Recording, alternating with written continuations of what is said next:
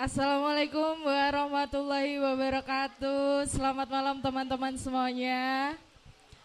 Uh, sebelumnya terima kasih uh, untuk lagunya dari Mbak Olip and Friend. Syahdu sekali apalagi hujan-hujan kayak gini. Oke, okay. uh, saya ucapkan juga terima kasih buat teman-teman ngaji ngopi karena sudah memberikan saya kesempatan untuk jadi moderator di hari ini uh, dengan tema Gaya Bebas Komunitas. Oke, okay, uh, eh, sebelumnya ada tiga pemateri yang akan mengisi acara kali ini dan mereka tuh keren-keren banget sudah punya banyak sekali masa melanglang buana ke mana-mana insya Allah. Wih. Oke langsung saja kita panggil yang pertama ada Mas Muhammad Tricahyanto dari GPAN Tulungagung. Mas Cahyo, monggo silahkan. Halo Mas.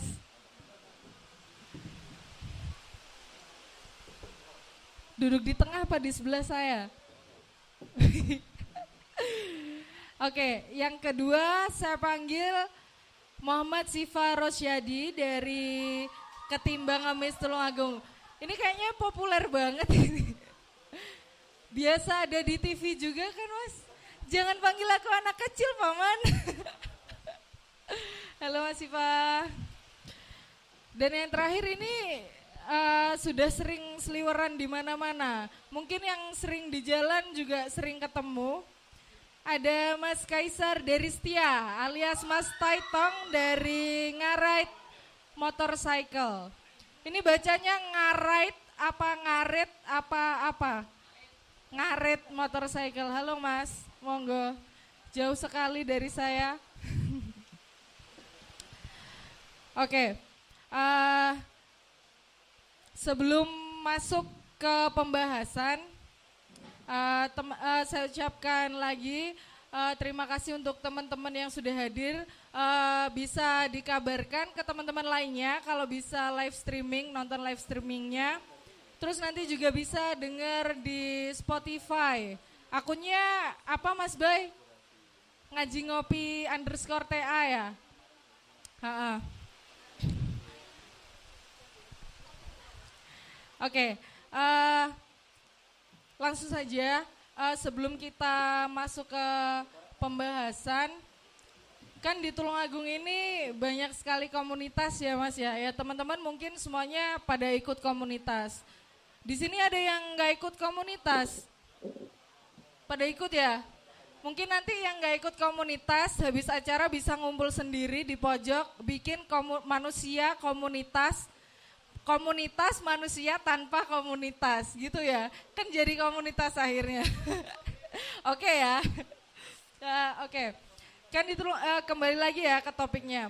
Jadi di Tulungagung ini sudah banyak sekali komunitas, nggak cuma di Tulungagung Biasanya teman-teman bikin komunitas itu karena ada latar belakang yang sama atau mungkin hobi atau uh, kesamaan-kesamaan lainnya. Bisa jadi ada uh, contohnya komunitas yang dengan latar belakang sama tuh komunitas Mamut Abbas. Pernah dengar nggak komunitas Mamut Abbas? Komunitas mama muda anak baru satu, jadi ngumpul terus jadi arisan, jadi komunitas. Nah itu ketuanya komunitas Mamut Abbas. Oke, okay, uh, eh, langsung saja ya. Uh, saya ada pertanyaan uh, untuk mungkin dari Mas Cahyo dulu ya. Uh, bisa diceritain mungkin gimana sih uh, GPAN ini terbentuk atau awal mulanya gimana? Oke, okay, baik. Terima kasih buat semuanya. Um, uh, Selamat malam. Assalamualaikum warahmatullahi wabarakatuh. Terima kasih teman-teman semuanya yang sudah datang dan terima kasih buat Mbak Tata sebagai moderator di perdiskusian kali ini. Dan terima kasih juga kepada Bara Coffee yang telah mengundang saya sebagai materi ya. Uh, di sini komunitas GPAN karena saya latar belakangnya GPAN.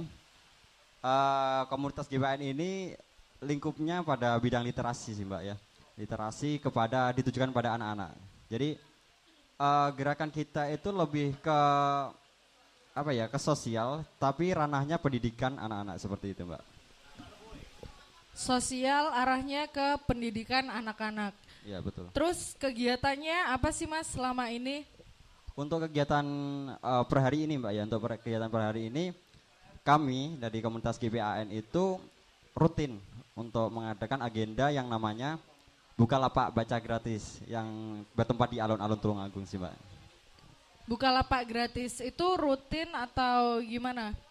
Eh, untuk buka lapak itu sendiri sih kita adakan setiap minggu sekali. Tepatnya pada hari Minggu pagi, jamnya itu biasanya jam 8 sampai jam 11 siang. Kalau dari GPAN sendiri memang hanya ada di Tulungagung atau mungkin sudah ada di kota-kota lain atau gimana? Eh, untuk GPAN Tulung eh, GPAN itu sendiri ya sebenarnya itu sudah berdiri sejak lama dan ini berjalan enam tahun. Nah untuk di Tulungagung itu sendiri baru satu tahun dan kemarin baru halah satu tahunnya pada tanggal 14 Maret kemarin. 14 Maret. Iya. Uh, happy birthday buat GPAN. Oke, lanjut Mas. Eh, kalau yang sebelumnya awalnya dari mana sih? Eh, untuk GPAN itu sendiri awalnya dari daerah Malang ya Mbak ya itu tercetus oleh seseorang eh, lulusan sarjana juga dan dia itu mendedikasikan diri eh, pengen pengabdian kepada masyarakat tapi gimana sih caranya kan lewat apa sih apa yang bisa saya perbuat untuk pengabdian ke masyarakat seperti itu nah dari situlah tercetus- tercetuslah namanya GPAN itu sendiri yang mana kita eh, tertujunya pada daerah-daerah yang terpencil ataupun daerah-daerah yang mungkin tingkat literasinya itu belum terlalu terjamah gitu. Jadi kita lebih ke pemerataan sih seperti itu. Pemerataan ke daerah yang belum terjamah seperti itu. Eh, kalau di Tulungagung sendiri mungkin selain di alun-alun Tulungagung punya nggak sih kayak pos-pos mungkin di desa mana atau daerah mana yang dikunjungi dari GPAN? Eh, untuk GPN itu sendiri eh, yang rutinnya itu di alun-alun Tulungagung sebagai bisa dikatakan base camp kita ya, base camp kita. Base camp. Iya. Base campnya di alun-alun. Iya. Karena kita kan belum punya Anak gaul. Eh, kenapa di alun-alun? Karena di situ juga banyak masanya. Yang pertama ada anak-anak juga sesuai ranah kita kependidikan anak-anak. Eh, tapi kemarin juga kita mengadakan agenda juga kolaps sama komunitas sejenis sosial dan juga ada literasinya gitu. Jadi ada komunitas RPS. Jadi di Tulungagung itu sebenarnya komunitas itu banyak, baik komunitas literasi ataupun kegiatan sosial. Nah, di situlah kemarin kita mengambil kolaps bersama agenda yang mana kita mengisi pada daerah sumber gempol dan kita mengisi acara ya belajar kemudian bermain seperti itu. Oh berarti sebenarnya tidak hanya buka lapak buku gratis ya, tapi juga ngajari anak-anak juga dan Betul. bermain kayak gitu. Oke, sebelum ke pertanyaan lebih lanjut, em, kita bisa geser dulu ke Mas Sipa. Jangan panggil aku anak kecil, Paman. Sepedanya ditaruh mana tadi? Oke, Mas Sipa, mungkin bisa diceritakan eh, ketimbang ngemis Tulungagung ya? Itu awal mulanya gimana, terbentuknya kapan dan sebagainya. Oh ya, eh, terima kasih untuk Mbak Ita. Eh, sebelumnya, Assalamualaikum warahmatullahi wabarakatuh.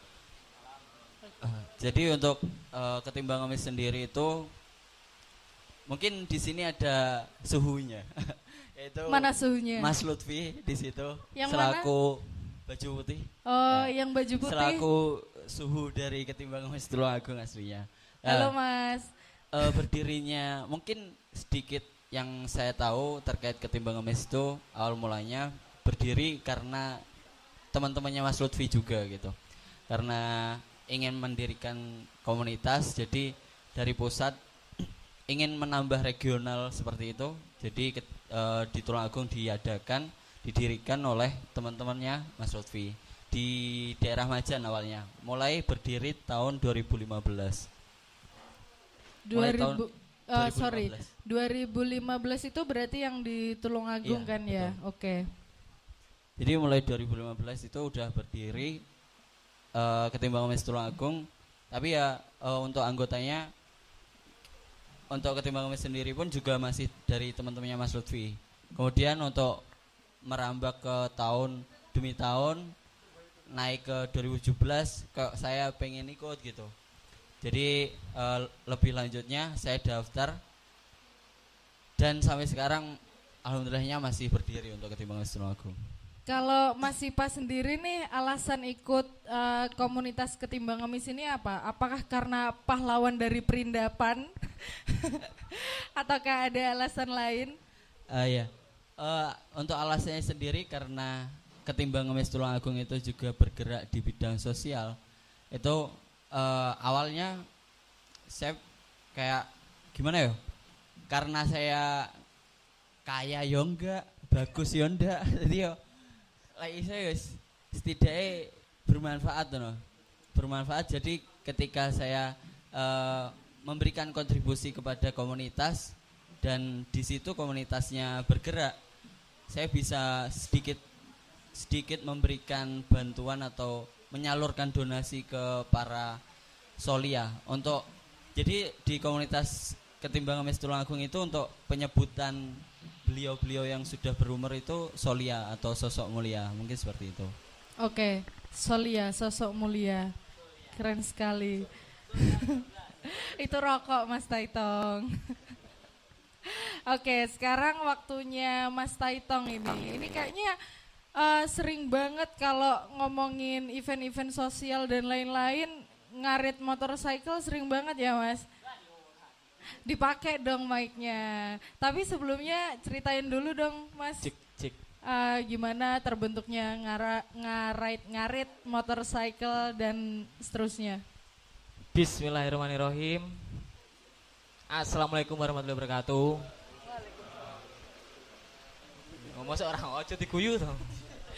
Jangan diketawain, dikeproi. Yo. Semoga saja tidak salah memilih moderator saya di sini, Pak. Bahaya marahi. Kenapa Mas takut cinlok apa gimana? Eh, Yo kleru. Apa Mbak tak pertanyaannya tadi? diceritain aja, nggak jadi nanya aku. Oh ya wis. Anu nggak iso bahasa Indonesia. So, soalnya yo biyen digedekne lahir neng anu Amerika kono. tak bahasa Jawa. Jadi sebenarnya ngarit tuh grup WA bukan komunitas, Mbak. Grup WhatsApp ya. Ya, grup WhatsApp. Kenapa dinamakan ngarit? Karena ngarit motorcycle. Karena kami tidak kuat, jane ya kuat. Kami itu pecinta motor-motor tua. Kami itu melestarikan motor-motor tua, terus biar motor-motor tua di Tulungagung itu tidak berhenti dan hancur di rosokan. Jadi anak-anak tujuh kita nanti tahu bahwa yo ini motor tua legendaris buatan ini terus pernah dipakai oleh tentara Indonesia waktu perang kayak gitulah intinya. Wah, ada historinya gitu ya jadi. historinya motor-motor ini, motor-motor yang kita pakai itu ada. Jadi, terus yang pastinya kita itu apa namanya ngarit? Ngarit itu yos kepanjangannya rodok saru tapi ini. Rada Saru ini nggak apa-apa disebutin apa gimana? Oh, nggak usah di mic. Gak usah. Pokoknya kalian harus tahu kalau ngarit motorcycle itu bidangnya di motor-motor antik, motor-motor jadul, terus motor-motor vintage dan motor-motor custom di Tulungagung. Terus apalagi yo? Ngarit motorcycle ki punya anggota, cewek dan cowok. Kalau yang nggak kelihatan cewek dan nggak kelihatan cowok boleh nggak? Boleh, Boleh ya. boleh.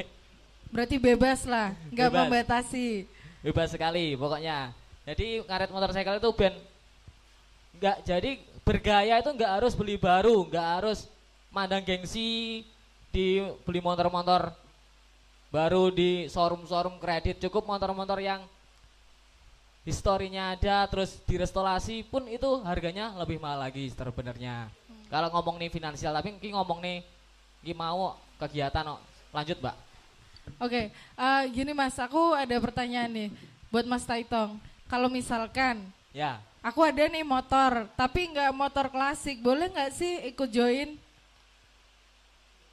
Tapi ada historinya. Oh, anu gini gini. Sementara kalau ngaret motorcycle itu di bidangnya motornya itu yang boleh masuk di ngaret motorcycle gitu vintage, custom, sama all klasik, all klasik.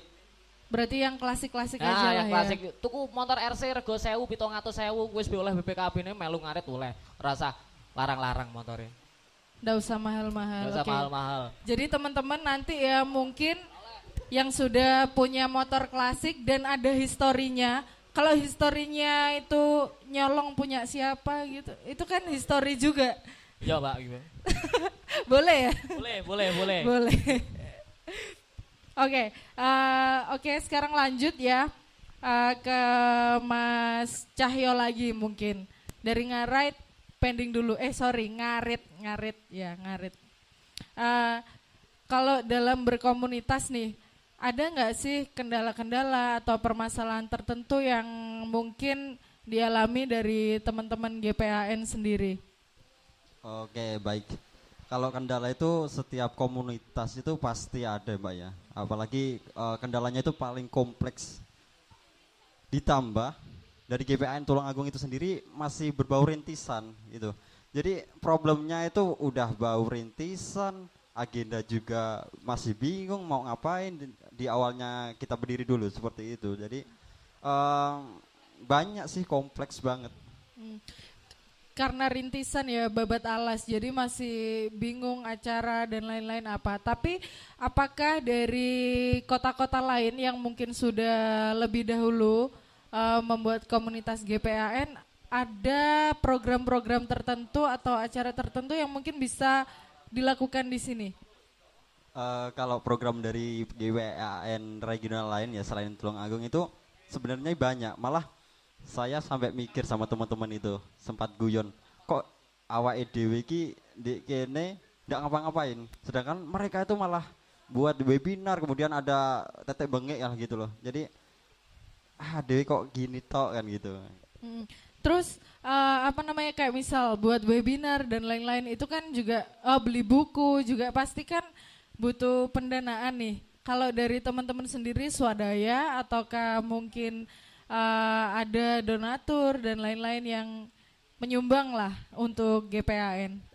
Oke, Eh, terkait pendanaan emang pure dari anggota pribadi ya, dan kami tidak mungkiri juga kalau dari donatur juga. Kemarin eh, sempat ada beberapa donatur yang memberikan sumbangsih kepada komunitas GPN untuk ini loh dananya buat dikembangkan emang pure buat anak-anak seperti itu. Lalu kalau kendala dari luar misalnya, pernah nggak sih, oh ini eh Bukalapak di alun-alun, masalah perizinan dan lain-lain itu sempat jadi masalah juga nggak? Kalau masalah perizinan kemarin itu cenderung nunggu di Uber sama Satpol PP, tapi tidak di Uber-Uber gitu loh, Mbak. Jadi kemarin itu targetnya, ayo dang Satpol PP dang ngoyak-ngoyak. Seandainya nanti kan kalau di oyak-oyak Satpol PP kan kita bisa buat alasan salah satunya buat perizinan di itu di tempat kita di alun-alun itu. Cuma ya sampai saat ini ya ndak di ora-ora gitu. Jadi tetap berjalan itu aja, Mbak. tetap berjalan. Eh, ngomongin literasi ya, kira-kira minat baca masyarakat sendiri itu gimana sih? Kan eh, apa ya bagi sebagian orang mungkin kayak baca kayak gitu-gitu kan menjenuhkan gitu loh. Kalau dari GPAN sendiri gimana sih bisa mungkin ningkatin minat baca dari yang lain? Eh, untuk GPAN itu sendiri sebenarnya kan literasi. Cuma saya mikir juga ini mahasiswa-mahasiswa sekarang pun literasinya kurang, membacanya pun males-malesan gitu loh. Jadi eh, istilah literasi itu tidak hanya pada membaca buku, tapi kita lebih bermain, kemudian berdiskusi itu kan termasuk salah satu literasi gitu seperti itu. Jadi kalau eh, fokusnya sendiri sebenarnya ke anak-anak atau bisa juga ke manusia lanjut usia yang mungkin eh, apa ya anak-anak sekolah mungkin atau gimana buku-bukunya juga apakah tematik dikhususkan untuk anak-anak atau seperti apa? Eh untuk hari ini kita tertujunya pada anak-anak karena kan GPAN Gerakan Perpustakaan Anak Nusantara. Jadi kita tertujunya atau terfokusnya pada anak-anak terutama yang usia TK, PAUD, kemudian SD, maksimal sih SMP seperti itu. Nanti kalau SMA bisa jadi eh, anggota malah seperti itu. Soalnya di anggotanya GPAN pun ada teman-teman dari SMA seperti itu. Oh gitu ya, dari SMA juga sudah bisa jadi anggota. Kalau untuk jadi anggota sendiri uh, ada batasan usianya nggak sih? Atau mungkin oh ini pokoknya kelihatan gede SMA bisa ikut atau gimana? Uh, sebenarnya kalau kriteria ya kriteria anggota itu tidak ada. Bahkan kalau di GPAN di luar regional Tulungagung itu malah ada yang dosen, guru dan uh, sudah malah sudah lulus gitu loh. Malah dari ibu rumah tangga ada gitu. Jadi kalau batasan sih tidak ada. Yang penting dia itu mau dan terketuk hatinya buat ikut ke sosial gitu. Nah ini kan di masa pandemi nih, khususnya dari GPAN sendiri, ada nggak sih cara-cara atau trik-trik khusus biar komunitasnya ini tetap hidup gitu? Uh, untuk trik khusus paling sama yang disampaikan sama Bang Itong ya. Kan. Jadi kita pakai WA group sebagai penyambung lidah kita, tempat kita komunikasi. Cuma uh, di dalamnya itu kita pembahasannya tidak hanya mengacu pada agenda, tapi kita bahas-bahas yang hal-hal yang konyol. Mungkin teman-teman kalau bahasannya cowok-cowok di dalam grup WA itu bahasanya pakai kata-kata mutiara seperti itu. Wow, kata-kata mutiara. Berbalas nggak? Tapi jangan-jangan yang saut-sautan cowok sama cowok lagi. Ya mas. nggak boleh cetan lama-lama ya kalau cowok sama cowok. Baik seperti itu. Jadi uh, cecetan kita ya bersifat aneh gitu sebenarnya. aneh, ini jangan-jangan menjurus beneran. Serius ini, karena hal yang aneh itu yang membuat komunikasi berjalan seperti itu, Mbak. Mungkin dari Mas Itang malah pakai kata-kata kotor orang Jawa tuh kan, yang pakai itu kan jadi ramai gitu. Pakai stiker yang enggak-enggak gitu. Ah, itu. Iya Benar iya. Sekali. Eh iya iya apa enggak enggak. Terus anu ngomong-ngomong selain dari WhatsApp nih, kira-kira di luar sudah apa buka lapak lagi nggak sih di masa pandemi gini? Otomatis kan eh, orang-orang juga mungkin masih pada takut keluar dan sebagainya. Uh, kita karena tim yang sifatnya pokoknya melaku, jadi ditabrak mbak ene lockdown tetap kita buka, buka ya. Uh -uh. Lockdown tetap buka. Gak ada corona kok ya. Iya, cuma kemarin saya menyayangkan program dari Tulungagung sendiri, uh, PMK Tulungagung yang mana alon-alon itu di lockdown total selama tiga bulan itu yang paling kita buat gabut di rumah seperti itu. Oh, berarti sempat tiga bulan itu benar-benar nggak buka lapak ya? Iya benar. Dan itu akhirnya dia kali pakai gimana? Grup WhatsApp itu atau gimana? Ya otomatis kita nyolong-nyolong kita ngopi sih sebenarnya. Ngopi, iya. tapi sambil buka lapak. Enggak, ya yes, pokoknya ngumpul gitu. Oh gitu. Tapi untuk mungkin uh, masyarakat luar barangkali ingin menyewa atau pinjem bukunya, bisa nggak sih di masa-masa kayak gini? Sebenarnya kalau peminjaman itu bisa saja. Yang penting amanah gitu, balik. Yang penting amanah. Tapi pernah nggak sih dipinjam nggak kembali itu? Sering jangan-jangan. Itu saya Kayaknya sendiri. sering. Malah mas saya sendiri. jangan ditiru ya guys. Nggak baik. Nanti dimarahin Om Sipa. Oke, okay, kalau gitu cukup dulu ya dari Mas Cahyo. Kita geser ke Mas Sipa uh, ngomongin tentang komunitas tadi, mungkin bisa cerita sih uh, perjuangan dari ketimbang emis Tulungagung itu gimana kendala-kendalanya dan sebagainya. Ya, uh, seru sekali sih terkait uh, namanya juga komunitas sosial. Apalagi kita nggak bisa menuntut anggota untuk selalu bertanggung jawab atau atau selalu standby dalam komunitas sosial gitu. Apalagi kita kan bergeraknya di sosial, jadi ya dengan bergeraknya hati ini biar teman-teman itu tergerak ya. Tapi bergeraknya itu, hati. Ya, uh, maksudnya gini, dengan kegiatan yang diadakan di komunitas ketimbang ngemis itu bisa membuat orang-orang tergerak hatinya, bukan karena apa pun yang dicari di komunitas itu nggak ada gitu kecuali kita harus selalu membahagiakan Maksudnya hatinya dari sini geser ke sini, ke sini. jalan-jalan. Jalan-jalan.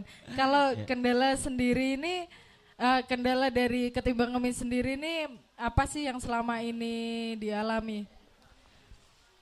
Terkait kendala atau problem itu mungkin kebanyakan dari komunitas sosial di luar sana juga merasakan seperti pasifnya anggota atau oh acaranya sosial kok stagnan atau monoton gitu. Jadi kayak orang-orang yang ekspektasinya tinggi terkait komunitas sosial itu ketika sekali udah ikut ya udah kayak seterusnya nggak ikut lagi.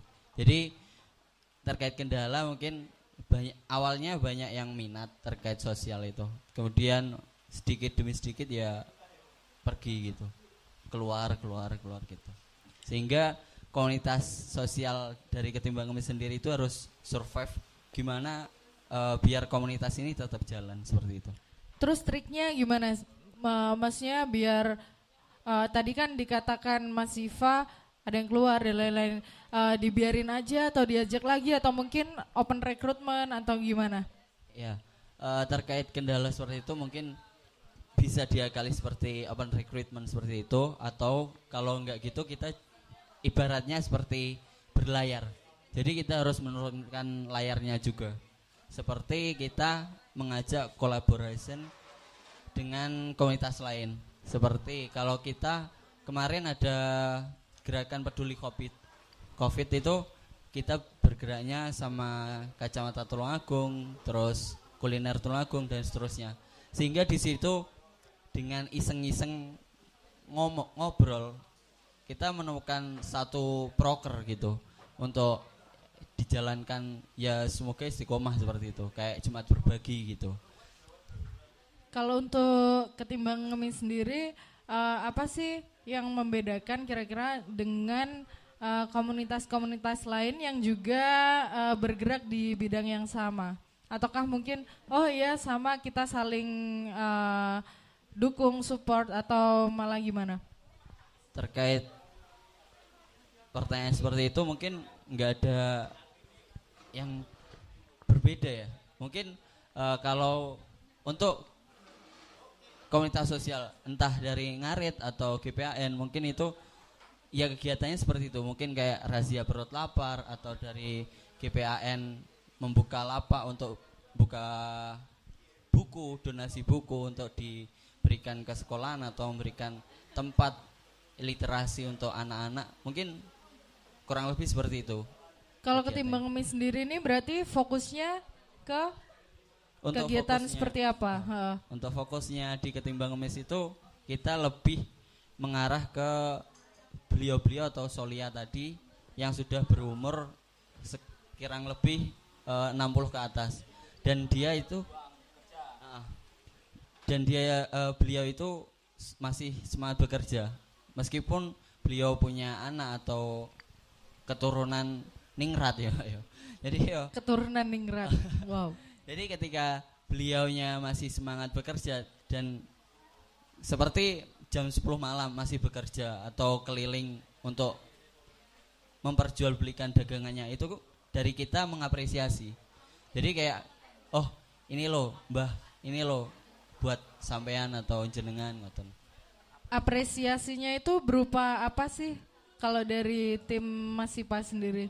Untuk apresiasi yang diberikan dari ketimbang emis mungkin eh, seperti membeli barang dagangannya ataupun kalaupun dari teman-teman ketimbang emis punya rezeki lebih ketika kita keliling eh, bertemu dengan Solia tadi mungkin kita memberikan sedikit rezeki kita mungkin seperti itu Untuk eh, hal seperti itu pasti kan butuh dana kan ya, pembiayaan dan lain-lain.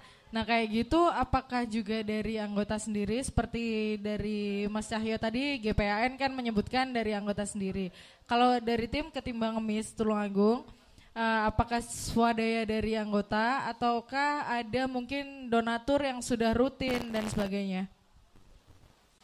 kalaupun eh, berapa tahun lalu itu kita punya donasi punya donatur yang setiap kegiatan pasti memberikan donasi ke kita gitu. Tapi untuk beberapa waktu ini karena kita seperti seperti belum terlihat gitu, Mbak. Jadi belum terlihat seperti tahun-tahun kemarin jadi ya dari donatur sedikit menurun gitu, seperti itu. Jadi kayak untuk untuk saat ini pengeluaran yang diberikan dari ketimbang mes itu hanya swadaya ya, seperti itu. Sementara ini swadaya ya. Berkurangnya eh, apa donatur seperti itu apakah gara-gara Covid ini ataukah mungkin ada hal lain yang eh, sempat membuat mereka menarik diri dulu? Ya.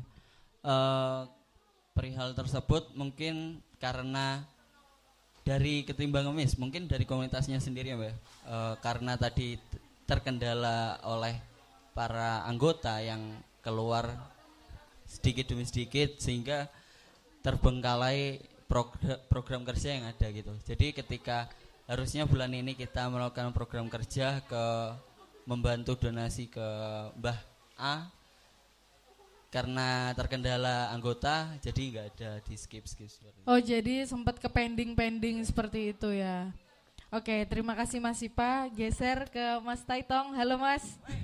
Woi ini nggak bertanya, nggak bertanya. Aku minta cerita.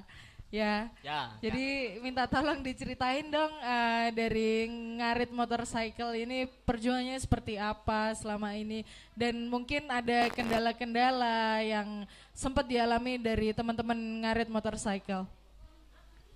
Kita tidak pernah berjuang, Mbak. Oh tidak pernah Kita tidak pernah berjuang. berjuang. Kita cuma bersenang-senang. Tapi bersenang-senangnya dengan bertanggung jawab dan juga ada feedback ke masyarakat. Wih, keren sekali. Jadi, Contohnya, contohnya kita dolan, dolannya apa, Mbak? Ngono lho, pokoknya dolan. Dolan, Jalan-jalan ya. ke mana lah gitu. Kita juga di sana itu mengamati dan juga me anu, aduh, menya panjang sekali. mengamati dan juga mencari ilmu, mencari pengetahuan di sekitar sana. Contoh, kita itu ada namanya bertani karena benar. Bertani karena benar. Ya, bertani karena benar itu kita lebih mencintai ke Tulungagung. Jadi kita fokusnya itu Tulungagung. Kita ketika jalan-jalan ke mana, misal kita jalan-jalan ke desa mana ya, di desa terpencil di Tulungagung itu ada di Gambiran juga. Potensi apa sih yang ada di Gambiran? Oh ternyata di Gambiran tuh ada sayur, ada sayur, terus ada gubis. Gak usah jauh-jauh ke Malang, gak usah jauh-jauh ke Batu. Di sana pemandangannya lebih indah daripada Batu. Tak percaya Rono Dewe. Rono Dewe. Jadi golek gubis rasa ado-ado neng Batu kono, neng Tulungagung ada di desa Gambiran. Terus ada di Tulungagung itu ada duren. Duren enak banget.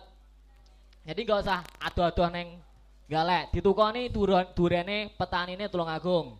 Contoh nih, neng anu desa apa jenenge kayak Gondang Gunung. Di sana itu ada petani-petani yang menanam warga sekitar situ menanam duren. Jadi kita di sana itu oh di sini ternyata ada duren. Jadi bertani karena benar. Kenapa bertani karena benar? Mergo salah petani iki. Ya benar, karena benar itu tidak salah Iya, ya. di Terus sana. eh, maksudnya program yang lebih spesifik lagi dari misal kayak ini bertani karena benar ini. Selain eh, memberitakan mungkin memberitahukan ke masyarakat Tulungagung kalau sebenarnya di Tulungagung ini banyak sekali sumber daya alam yang eh, bisa Melimpah. digali dan melimpah seperti itu. Eh, ada lagi nggak sih bentuk support eh, untuk mungkin untuk petaninya atau seperti apa? Sementara kita share ke teman-teman kalau wah di sini lo ada duren. Jadi suwaya-waya bocah-bocah iki lek nganggur apa anu ndak duit duit apa anu ben nak kulaan duren ning kono apa piye ngono Mbak bocah-bocah iki. Jadi ini enggak enggak cuma bermotoran tok, ta- tapi juga kita mengeksploitasi tempat wisata yang mungkin di sana itu belum tereksplor. Jadi kita kemarin tuh explore wisata banyak banget, tapi jenenge apa kita enggak enggak tahu. Nggak tahu karena mungkin masih benar-benar baru ya, tempatnya. Tapi nggak nggak tahu namanya apa, nggak tahu. Terus warga sekitar di sana kan juga terpencil. Tapi bisa dilihat di cek Instagram kita ngarit motorcycle. Itu di follow ya Rek. Ngaret motorcycle. Ngarit dot motorcycle. Lalu untuk eh, program lain selain bertani karena benar. Razia perut lapar. Razia perut lapar. Oh ini yang baru-baru ini Yang sempat baru. booming karena kabarnya dikejar-kejar sama Anu. Anu kae to. Anu itu. Bocah kae to. Iya. Ya. Iya. Iya. Kita juga ada program namanya Razia Perut Lapar kita gelar dua minggu sekali setiap akhir pekan. Dari malam minggu. Terus Razia Perut Lapar itu gini programnya lebih di era pandemi kayak gini kan kita kasihan warung-warung dioperasi diobrak-obrak ngono kae lho karo bocah-bocah kae. Nah, diobrak-obrak terus nasinya masih kan otomatis nasi masih apa? Besok atau dijual besok nggak bisa. Basi Iya, loh, sudah Mbak. Nah, basi. basi kalau kopi kan kopi gulan buat besokan masih bisa. Kalau nasi kan nggak bisa buat kita dihidangkan atau dijual besok. Jadi kita sama teman-teman inisiatif untuk membelinya, terus langsung kita bagi-bagikan keliling Tulungagung yang wis pokoknya ditumene wis wong-wong padha roh dhewe ya Mas ya. Ditumene me sapa-sapa ngono. Tukang-tukang ngonoan yang bekerja di malam hari, pekerja hard work. Ngono kuwi lho. Work ya. Terus kalau dari eh, teman-teman ngaret motorcycle sendiri menyikapinya hal seperti itu gimana? Kalau sempat dikejar-kejar dan sebagainya, tetap lanjut atau sempat takut-takut atau gimana? lanjut pak kita nggak pernah takut untuk meskipun dikejar-kejar kayak gitu terus berusaha kayak di ini ini ini, ini kita tetap survive tetap lanjutin pasti kita terus ada yang dan aneh kok ngerti loh bocah-bocah ngono-ngono kuwi kayak oh, anu ben anu panggah anu. Ya toh mbak? Ya kita gini kita memegang prinsip kayak gini. Siapa orang yang siapa orang yang mempunyai keinginan ngono kalau gimana gimana? siapa orang yang Siapa mempunyai orang? keinginan dan tujuan yang baik maka semesta akan bahu membahu untuk mewujudkannya loh mbak Wis, tepuk tangan yang meriah. Nah. Ini nanti harus digaris bawahi. Nggak Di besok sapa ngerti tau mbak anu apa jenenge ngono kalau cah ngarit kolaborasi sama ketimbang ngemis Tulungagung Nah, masuk itu ya. yo boleh mas banget. boleh tapi yo maksudnya sing anu so sing rodok mau wegelne ngono jadi kita itu mikir mbak opo sih sing megelne terus opo sih ide-ide sing sing sing unik terus ndak sing beda dari liane loh mbak. Keluar jalur. Contohnya kita mungkin bisa mas nanti kan daripada mas Teh, ketimbang ngemis Tulungagung kita nanti mungkin adain program contohnya lah. Daripada ngasih donasi apa donasi sembako lah buat para nenek-nenek penjual terus kakung-kakung penjual itu nanti ngadain program apa lah mas? Apa? Renovasi gerobake dicat bareng-bareng. Apa piye gerobake ben kekinian? Jadi kan apa kesannya gini malian kayak ibarat pepatah ya loh mas. Daripada apa memberi ikan tapi dimakan satu satu hari lebih baik memberi kail tapi bisa untuk makan satu tahun ngono loh mas Tepuk tangan lagi buat Mas Taitong. keplok-keplok kabeh loh Kayaknya nanti Mas Taitong bisa dimasukin grup ya Mas Cahyo. Kan sharing kata-kata ya tadi katanya. Terus gini Mas Taitong, eh, ada nggak sih sentimen-sentimen tertentu dari mungkin komunitas lain yang juga bergerak di hal yang sama? Sementara ini tidak ada, Mbak. Kenapa toh hal baik, hal baik kok disentimentalkan? Nggak ada atau nggak ngerasa? Nggak ngerasa, Nggak ngerasa. nggak ngerasa. Hal baik kok disentimentalkan? Kenapa toh? Nah ya kenapa hal baik kok disentimentalkan? Apa apa mlebu surga dhewe to ning kono ra ndek kanca kowe engko. Oke gini, ada satu hal yang eh, tak garis bawah ini, megelne. Kenapa harus mencari hal yang megelne? Gini, gini. Anu. Contohnya ngene, Mbak. Apa jenenge? Ngaji ki nang pesantren wis biasa to, Mas yo. Ngaji nang pesantren wis biasa. Ngejak apik wong sing iki wis biasa, Mbak. Ngaji. Lah tapi koyo iki ngaji, ngaji ning nggon warung kopi. Ngaji ning masjid biasa. Dadi ngene. Mengajak orang-orang yang berandal untuk berloka karya. Untuk berkarya, untuk mengikuti apa jenenge, Mbak? Kebaikan-kebaikan. Jadi sing ngirangi diputihne ngono lho, Mbak, wis. Nah, besok itu Ramadan, Ramadan. Lah, kita Ramadan juga ada. Udah ber pandemi kemarin tidak ada tapi nih. Ramadan namanya Ramadan ceria. Dulu pernah Ramadan ceria itu dua dua ka, udah dua tahun. Jadi tiga tahun kemarin, empat tahun, empat tahun besok ini. Ramadan ceria itu kemarin tuh anu, Pak.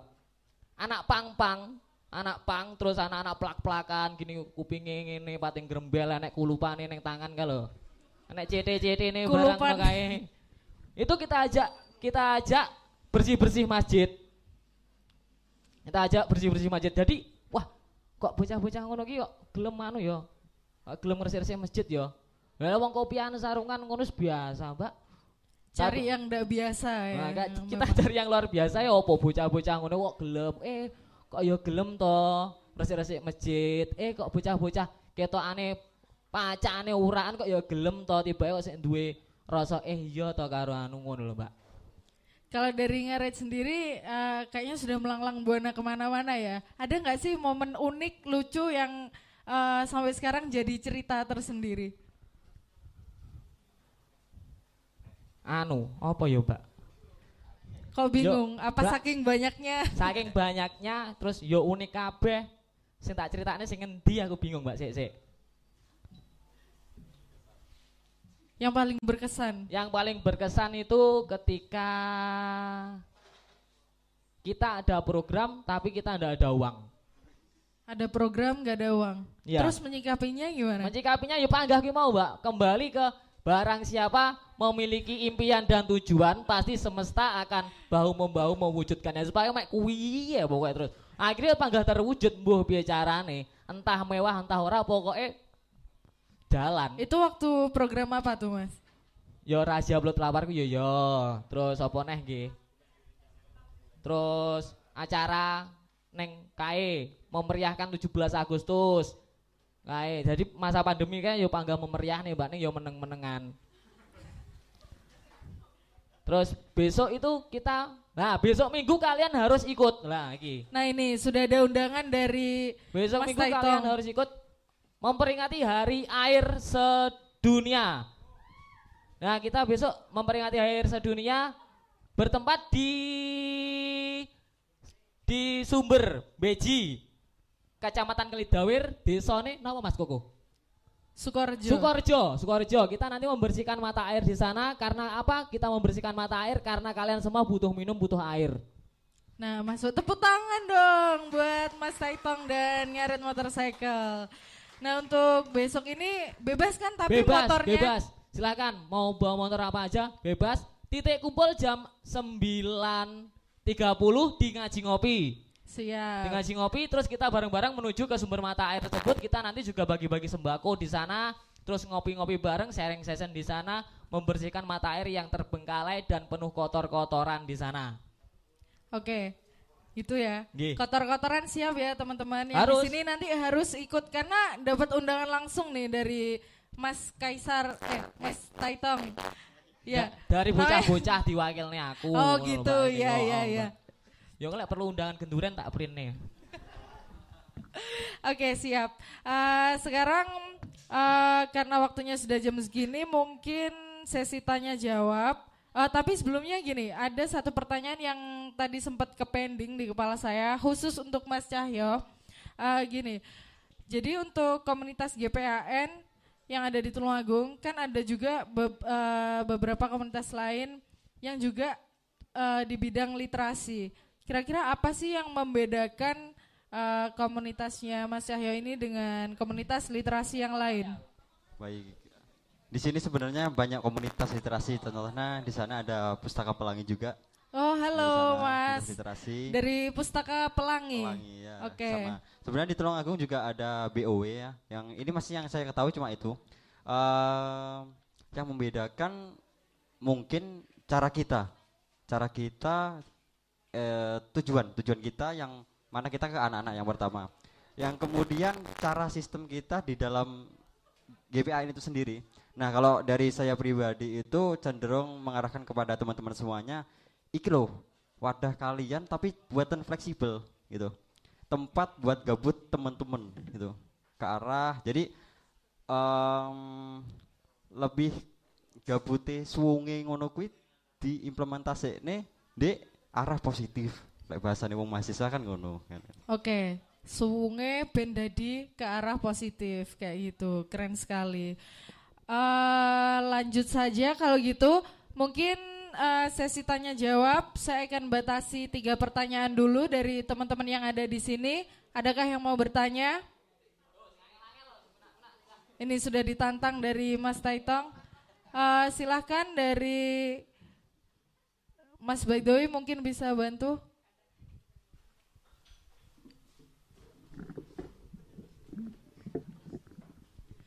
Silakan maju ke depan, Mas. Di situ, oke, nggak apa-apa ya, di situ. Harus pakai mic soalnya. Iya. Monggo, Mas. Silakan ke depan.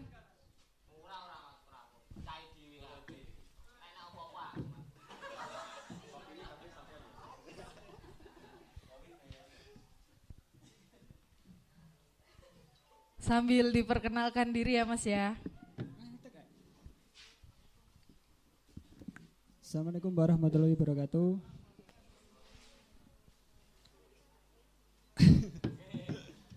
Perkenalkan nama saya Deki Bagus Pranoto, asal saya dari Kampung Dalam Tulungagung.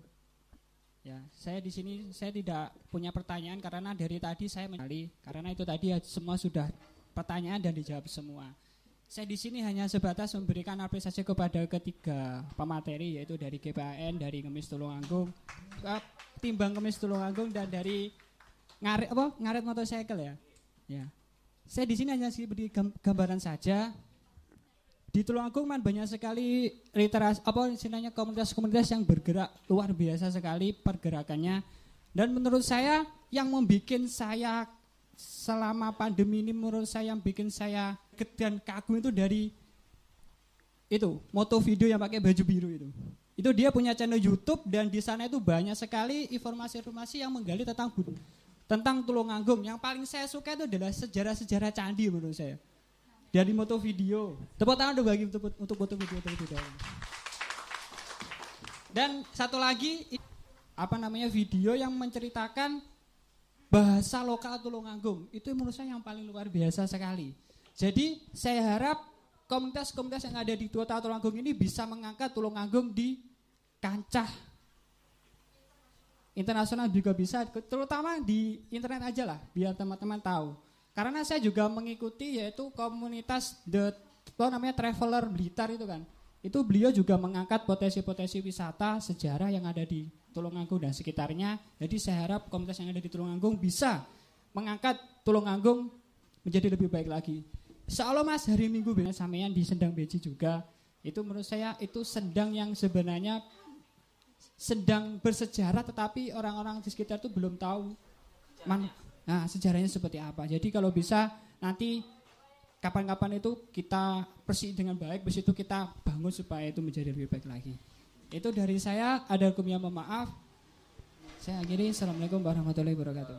Waalaikumsalam warahmatullahi wabarakatuh. Terima kasih Mas Diki.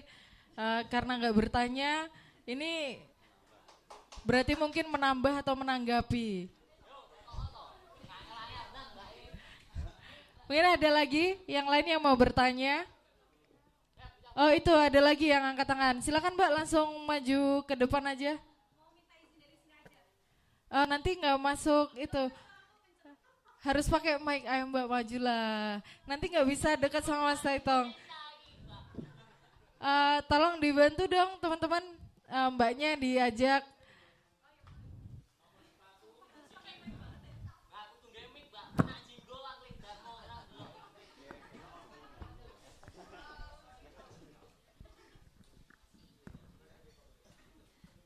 Oke, eh, sebelumnya terima kasih atas kesempatannya. Perkenalkan nama saya Sima. Eh, saya mau tanya ke Mas Cahyo ya. Eh, yang GPA. Iya Mas Cahyo Oh ya. Eh, kebetulan saya yang kelihatan atau paling enggak Mas Cahyo bisa lihat nggak sih eh, tingkat literasi anak-anak Tulungagung tuh dari skala 1 sampai 10 tuh skala berapa sih gitu. Terus ketika ada kegiatannya Mas Cahyo di situ eh, ada perubahan nggak? Misal minimal bisa lihat nggak sih? Oke ada anak A nih eh, minggu pertama datang, dia minggu kedua datang lagi nggak? Atau setiap minggu tuh selalu ada perubahan anak atau emang ada yang ketagihan terus datang terus, datang terus kayak gitu. Otomatis kan kalau emang dia datang lagi berarti dia ngefek kan, dia merasa nyaman buat uh, datang terus ke kegiatannya Mas Cahyo gitu sih. Cuman pengen tahu tingkat literasi anak tulanggung tuh sebenarnya seberapa gitu. Terima kasih. Oke, makasih Mbak Sima ya tadi. Uh, jadi mungkin uh, secara singkatnya, mungkin indikator apa sih yang bisa dilihat dari minat baca anak-anak sendiri? Jadi ini, uh, ini yang membuat menarik. Salah satunya ini kan belum saya ungkap juga. Uh, gimana sih caranya kita agar istiqomah kan yang pertama kan gitu. Uh, kita pakai cara yang tidak melulu membaca gitu. Di dalam uh, agenda kita tiap minggu itu ada namanya mewarnai. Dan juga kadang kita belajar bareng. Seperti itu. Kadang juga membaca. Nah di situ pula kita juga bermain bareng. Jadi liter makanya tadi saya bilang literasi tidak melulu pada membaca.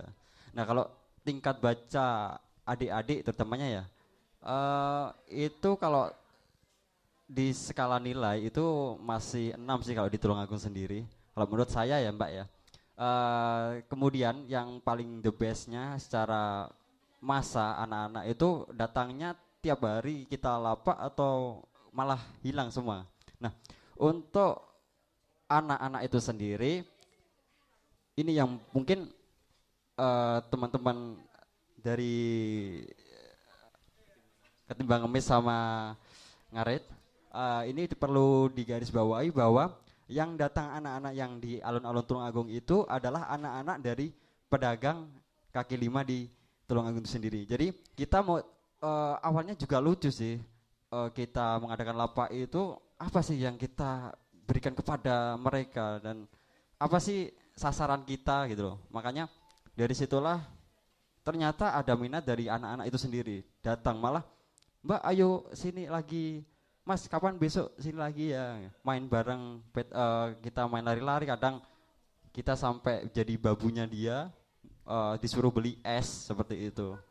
Itu sih mbak. Sampai beli layang-layang gitu. Aduh seperti itu. Disuruh beli-beli ya akhirnya. Ya benar. Cuma karena kita senang juga di dunia ini ya kita enjoy gitu.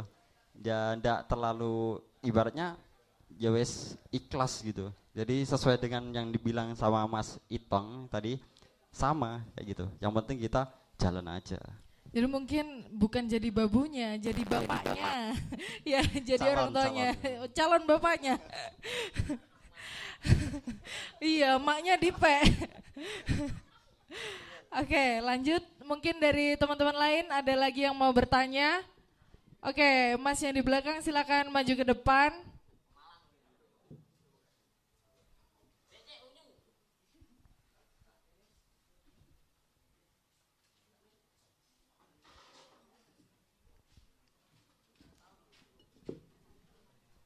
Iya perkenalan dulu mas. Selamat Assalamualaikum warahmatullahi wabarakatuh. Saya dari anggota Ngarit eh, dengan nama Munir. Ya? Eh, yeah, saya mau bertanya eh, apakah sudah ada eh, yang mengordinir dana eh, terkait buat kan dari ngarit sendiri itu agenda-agenda positif banyak sekali kan. Untuk ke depannya itu apakah sudah ada yang mengordinir dana terkait dana, apakah galang dana atau open donasi atau dari sponsor itu apa apakah sudah ada? Kalau belum ada ya segera mungkinlah dibentuk agar uh, buat agenda-agenda ke depannya bisa berjalan dengan lancar dan sukses gitu. Ini untuk ngarit aja, untuk ngarit aja atau untuk semuanya nih yang jawab? Untuk ngarit aja ya nggak apa-apa untuk semuanya. Oh, baiklah, semuanya kalau gitu ya. Terima kasih. Assalamualaikum warahmatullahi wabarakatuh. Wah, dana karena program banyak. Oh ya wes, oh. Terima kasih Mas Munir anu Mas Munir kalau sing kami ada dan berlipat ganda kan. beda itu, oh. beda. Untuk dana, yo kuwi lho Mas, panggah balik neng kuwi mau panggan, Mas Munir dari HRC juga HRC Tulungagung. Kembali ke barang siapa aku mau panggan barang siapa memiliki niat dan tujuan yang baik maka semesta akan bau membau mewujudkannya. Jadi ketika kita punya ide punya ide terus mau melaksanakannya ya wes laksanakan saja. Perkara duit terus pikir carry sesuk. Penting penting jalan dulu lah. Keuangan nanti kita pikirkan bareng-bareng. Kita kan nggak pernah. Soal uang itu sensitif banget soalnya mbak. Jadi mas Munir anu soal uang ini sensitif banget. Jadi soal jadi kita di ngarit tuh nggak pernah ada namanya iuran. Nggak pernah namanya ada apa jenenge? Kolektif ya. Ketika kita ketika kita punya program baru kita kolektif bareng-bareng. Jadi kayak gitu kalau mungkin ke depannya gimana ke depannya harus dibentuk keuangan itu mungkin masih belum terpikirkan Mas Munir. Jadi kita memikirkan bagaimana kita terus bergerak, bagaimana kita terus survive, bagaimana kita terus bermanfaat buat masyarakat meskipun kita dicap negatif kayak gitu. Kayak gitu. Oke, makasih ya Mas Taitong jawabannya. Mungkin sekarang Mas Sipa terkait untuk pendanaan tadi, pengelolaan dana lah ya pertanyaannya. Eh, kalau terkait pendanaan atau open donasi dari komunitas ketimbang ngemis sudah melakukan dari awal dari terbentuknya ketimbang ngemis pun itu juga harus eh, karena kita swadaya awalnya itu juga open donasi sehingga kita juga sampai menemukan donatur itu juga nggak mudah gitu jadi untuk keuangannya kita sebaik mungkin ya yang disampaikan Mas Taitong juga masalah duit ini sensitif gitu. Jadi sebaik mungkin kita florkan kita transparankan ke para donatur atau para netizen di followernya ketimbang ngemis mungkin seperti itu. Oh, berarti eh, diposting juga ya. Iya untuk perolehan hasil donasinya berapa terus pengeluarannya buat apa itu kita sampaikan. Dalam setiap kegiatan Iya. seperti itu. Oke. Makasih Mas Sipa. Sekarang Mas Cahyo, gimana nih Mas? Oke, kalau masalah dana, eh, kita itu memakai kas ya Mbak ya. Kita satu bulan 5000 jadi tidak berat-berat. Bisa dicicil 500, 500, 500. Nah, kalau untuk agenda sama sih. Karena kita komunitasnya sosial, kita juga tidak bisa memaksakan namanya uang karena itu emang sensitif banget sih. Eh, alhasil ya kita yang penting jalan gitu. Kalau nanti ada agenda ya iuran. Kalau enggak hasil dari kasnya tadi. sih. Eh, tapi untuk sharing eh, mungkin ke teman-teman anggota sendiri, apakah dirutinkan juga atau bagaimana? Atau tiap bulan itu ketika eh, apa iuran itu sekalian langsung ditotal atau seperti apa?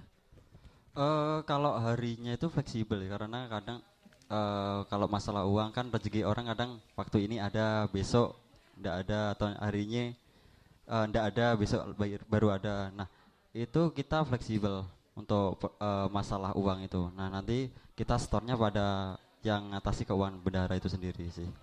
Oke, terima kasih Mas Cahyo. Eh, mungkin dari teman-teman ada lagi satu pertanyaan terakhir yang di sini karena setelah ini saya harus bacain pertanyaan via online dari teman-teman lain. Eh, Mbak Olip sudah angkat tangan, silakan maju. Mbak Olip pacarnya Popa ya? Iya, terima kasih atas kesempatannya. Nama saya Olivia Laura Meliana, eh nama panjang gitu ya. Eh, di sini saya eh, tidak mau bertanya sebenarnya, tapi saya sedikit Mau memaki? Mau maki siapa? eh, nggak memaki juga ini. Saya mau mengasih challenge buat tiga komunitas ini kan di sini eh, semuanya di bidang sosial ya. Ya saya eh, di sini mau mengasih challenge. Apakah sanggup tiga komunitas ini membuat kegiatan dalam waktu dua minggu? Iya, collab bersama gitu. Ini kayaknya Mbak Olip ini memberi challenge apakah Mbak Olip akan mensupport dananya? Saya tanya balik. sapimu dolno besok. Ya nanti motor-motor saya di rumah saya jual semua ya. Eh, Oke. Bagaimana eh, Mas Koko ya? Ya, eh, Oh, saya siap, ada, bos, siap. ada bosnya soalnya ya. Kan saya ini sekretaris gitu. Ya. Nanti ada Mas Pandu juga. Banyak sih ya ini di sini. Oh it- itu kayaknya nama-nama donaturnya sudah disebutin Iya. semua. Ya. Ada Mas Aldesir juga bisa ya. Mungkin dari kakak-kakaknya ikut gabung nggak apa-apa ya di acara-acara sosial gi- gitu. Jadi nggak eh, bosen di rumah gitu loh. Kan pandemi itu bosen banget ya. Iya, begitu ya. Ya udah sekian dari saya. Terima kasih. Oke, sama-sama Mbak Olip. Oke, dari teman-teman yang ada di depan dijawab tuh challenge-nya gimana? Siapa dulu nih? Om Pimpa. Ayo siapa dulu nih? Mas Ipa kayaknya sudah Oke, eh, terima kasih untuk pertanyaan atau challenge-nya dari Mbak Olive. Untuk challenge mungkin kita tetap siap untuk melaksanakan atau program kerja yang diberikan karena kita juga dari teman-teman pun kita setiap Jumat atau setiap harinya pasti ada program kerja yang kita berikan atau donasikan ke sosok mulia tersebut. Mungkin seperti itu.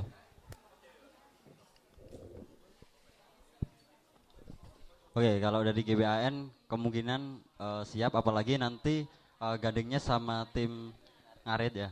Apalagi dia eh, lebih mengeksplor daerah pedesaan, otomatis kan eh, bisa tahu ataupun menganalisa oh ter- ternyata di desa ini banyak anak-anaknya dan juga kurang literasi. Mungkin kita bisa collab di situ Mas ya. Ya, gimana? Ya, gimana? Challenge diterima, tapi aja dua minggu toh, sik toh. Oh, sesuk ape anu lip lip dhewe. Besok masih ngresiki mata air. Terus pono rege kae besok. Berarti nggak sanggup nih dua minggu ya? Satu bulan lah, satu bulan. Challenge-nya dua minggu barusan. Piye toh lip lip. Oh, oke. Bisa dinego nggak? Oke, besok kita gini kan besok di sumber mata air Beji bareng-bareng sama GPAN. Jadi nanti anak-anak di sekitar sana di kita kumpul di ah kita kumpulin di sana sambil kita bareng-bareng membersihkan mata air. Nanti teman-teman buka lapak di sana biar anak-anak di pedesaan sana bisa membaca-baca di sana. Nanti anu cah, apa golekno bingkisan-bingkisan ki bocah-bocah cilik-cilik sesuk. Ya ini kayaknya masih pas siap ini. Wih. Nanti ketimbang bingkisan sana. Tulung Agung kita ngadain program lagi bareng-bareng. Jadi kita mau daripada memberi apa jenenge iwak untuk makan satu hari kita kasih kail untuk bisa makan satu tahun. Jadi nanti kita cari cari anu mas cari cari yang pantas ketimbang ngemis di kriteria ketimbang ngemis sing gerobak elek wo piye. nanti kita renovasi bareng-bareng dan anis pikir carry Heeh, apa di kita ben koyok kae lho ben kalah karo omahe sing nyoh duit kae lho. Oh, dibikin gerobake koyok ngono lah, piye ngono ben. Terus dikasih video, dikasih Instagram bisa no piye ngono kok bocah-bocah kae ben dadi admine apa piye. Ya lho, Mbak. Siap. Bae ben kekinian ngono lho sing dodol iki. Dodol dodol opak, heeh, dodol opak dodol jagung. Pak, bae dodol jagung mek mesakne tak kei sembako. Ku mek gur sedina nek dikei rombonge kekinian weh cah nom-nom malah tuku ngono lho asline. Oke, eh, untuk untuk, eh, teman-teman di sini kita stop dulu pertanyaannya. Sekarang giliran dari teman-teman yang sudah bertanya dari tadi nih via online. Dari Peh Konte dan dari Galih Centor. Ini pertanyaan untuk ngarit motorcycle. Yang pertama kegiatan ngarit terdekat apa Min? Kemudian yang kedua kegiatan rutin ngarit motorcycle. Mungkin eh, pertanyaan yang pertama sudah disentil ya sebelumnya. Oke, langsung aja Mas.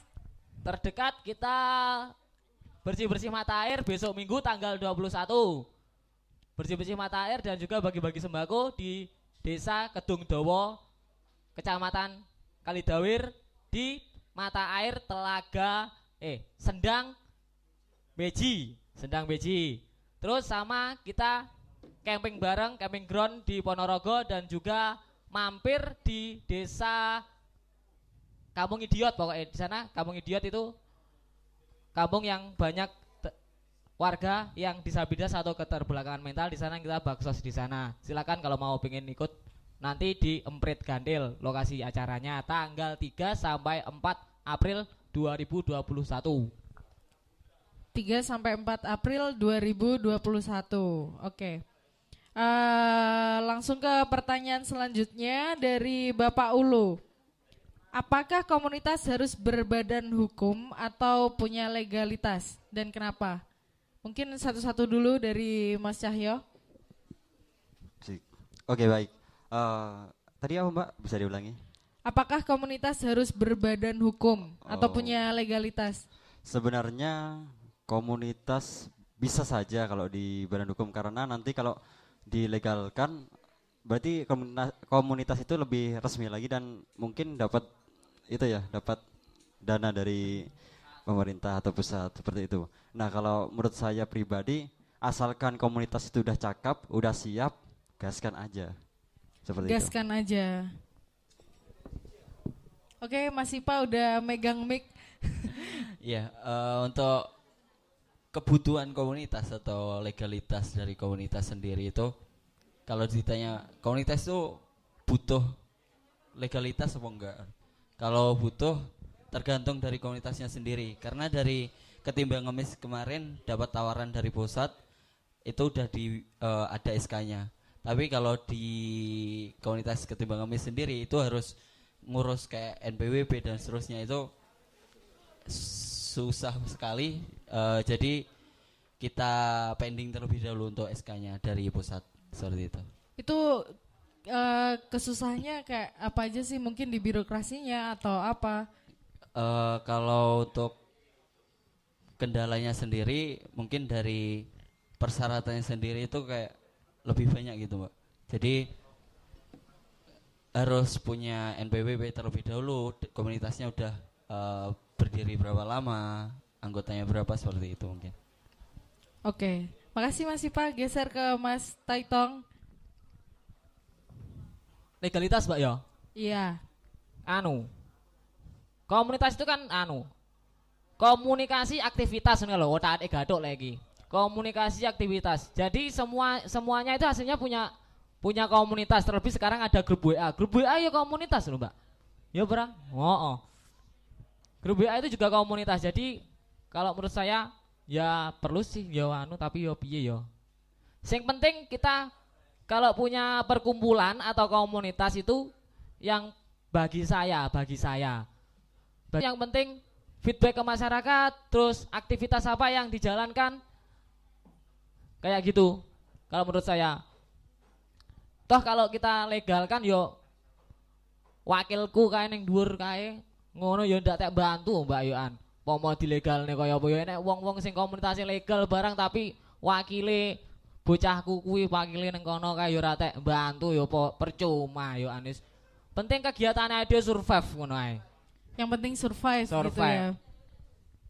Eh, Oke, ini ada pertanyaan terakhir dari Mbak Indah Munasari dan saya rasa teman-teman di sini semua juga bertanya-tanya tentang ini juga.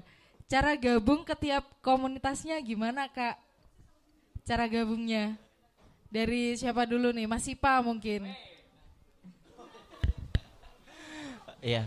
Eh, untuk open recruitment atau gimana cara mendaftarnya ke komunitas khususnya di Ketimbang Mes mungkin untuk saat ini kita masih memaksimalkan anggota yang ada.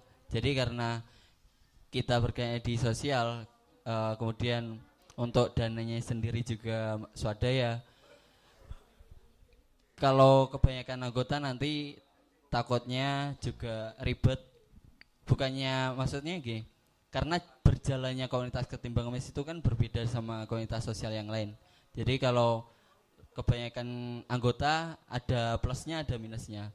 Untuk open recruitment ditunggu saja di instagramnya ketimbang mes Tulungagung. Pasti bakal di share di situ. Untuk segala informasi yang ada pasti kita share di sosial media tersebut.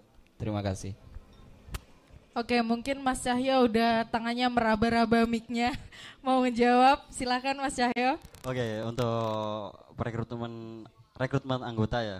uh, kalau dari GPN Tulungagung itu sendiri sebenarnya tidak ada eh belum ada belum ada rekrutmen secara resmi jadi teman-teman kalau mau gabung gabung aja jadi kan kita enjoy enjoy bareng senang-senang bareng seperti itu cuma nanti kita pasti ada yang namanya agenda rekrutmen besar-besaran ya katakanlah karena kita juga kekurangan SDM dan kita ada beberapa divisi yang belum terpenuhi orangnya jadi kita butuh teman-teman yang berkompeten di dalamnya seperti itu oke dari Mas Taitong silakan Mas rekrutmen yang penting punya motor tua. Yang penting punya motor tua, custom, dan old motorcycle. Silahkan bisa gabung di Ngarit. Nanti ikut kegiatan kita. Terus bisa DM untuk gabung di Ngarit. Karena kita berdiri sama rata, duduk tanpa eh duduk sama rata, berdiri tanpa raja. Jadi di ngarit motorcycle itu tidak ada ketua, tidak ada anggota, semua sama. Tepuk tangan dulu dong buat ketiganya. Mas Taitong ini penuh dengan kuat sih ya hidupnya. Mario, Mario apa? Mario Bros. Uh, Oke, okay. uh, karena waktunya sudah jam sekian, Uh, mungkin uh, closing statement dulu dari masing-masing sebelum saya akhiri acara malam hari ini. Oke baik, uh, sebenarnya saya tidak punya closing statement ya. Cuma ini sekedar tambahan informasi bagi teman-teman yang ingin mendonasikan katakanlah buku bes, buku bekas ataupun majalah ataupun baju-baju uh, bekas bisa ke kita. Karena nanti itu kita akan jual kemudian kita alokasikan dana itu ke pembelian buku baru ke, untuk anak-anak seperti itu. Dan teman-teman bisa uh, ikuti aktivitas dari kegiatan kami melalui IG kita yaitu GPAN Tulungagung sendiri. Seperti itu sih Mbak. Oke, makasih Mas Yahyo. Kalau dari Mas Vipa, silakan Mas closing statementnya. Uh, mungkin sedikit ya untuk kegiatan sosial sendiri juga nggak terlalu kalau mencari kaya juga nggak harus di komunitas sosial karena komunitas sosial sendiri juga bergeraknya seperti itu nggak ada apa-apanya kata Mas Cahyo jadi uh, berbuatlah baik meskipun itu berbuatlah baik meskipun itu berpura-pura baik oke okay. Mas Taitong, silahkan Mas. Kok kayaknya sudah kelop-kelop matanya. Gimana?